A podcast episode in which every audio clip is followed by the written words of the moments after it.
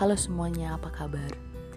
Semoga hati kita selalu tenang seperti langit biru yang selalu memberi kita ketenangan. Masa transisi dari SMA ke kuliah itu benar-benar membuat saya ingin SMA lagi.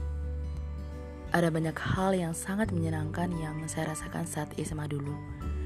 Dan hal yang saat ini sulit menurut saya yaitu masa transisi dari SMA ke kuliah.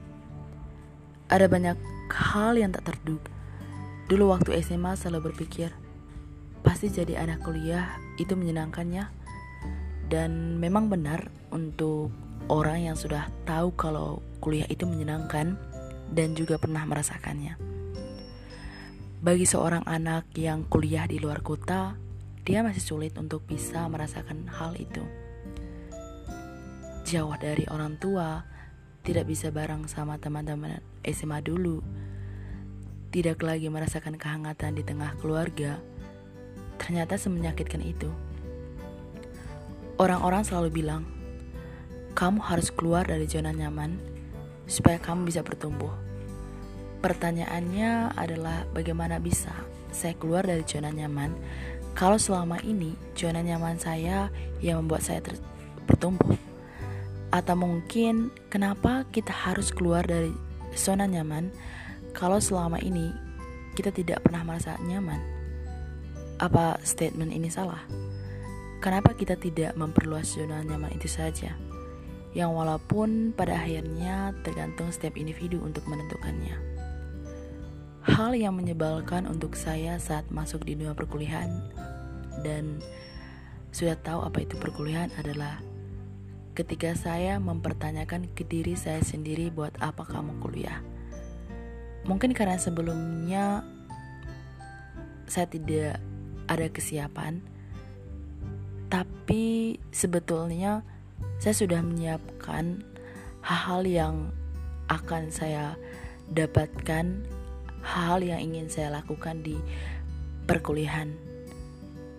Tapi percayalah, serajin apa pun kita membuat to-do list, membuat kegiatan-kegiatan yang akan kita lakukan, pasti ada satu dua hal yang menghambatnya. Ada titik di mana saya merasa buat apa kamu kuliah kalau kamu sendiri bisa belajar otodidak atau belajar dari orang yang sudah berpengalaman. Ada momen di mana saya juga merasa ber, saya juga merasa bahwa kuliah itu tidak menjamin kamu mendapat pendidikan. Sungguh sangat melelahkan, bukan? Saya mencoba untuk menenangkan diri sendiri, berpikir bahwa apa yang saya lakukan itu berguna, ya setidaknya untuk diri saya sendiri. Dan sampai di titik di mana saya memberitahu kepada diri saya sendiri kalau mimpi kamu itu akan ada setelah kuliah dan pendidikan tetap nomor satu di hidup kamu. Saya juga memberitahu diri sendiri kalau kamu berkuliah itu adalah salah satu bentuk tanggung jawab pada orang tua.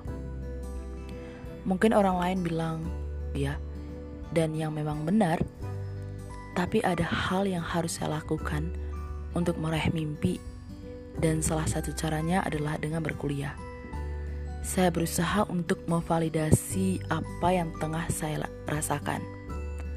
Saya menguatkan diri sendiri dan mengingatkan diri sendiri kalau ini adalah permulaan. Jadi wajar jika kamu merasa ada banyak hal yang membuat kamu sedih. Tapi percayalah, itu adalah proses. Dan proses itu yang akan menjadi bekal untuk ke depannya. Terima kasih.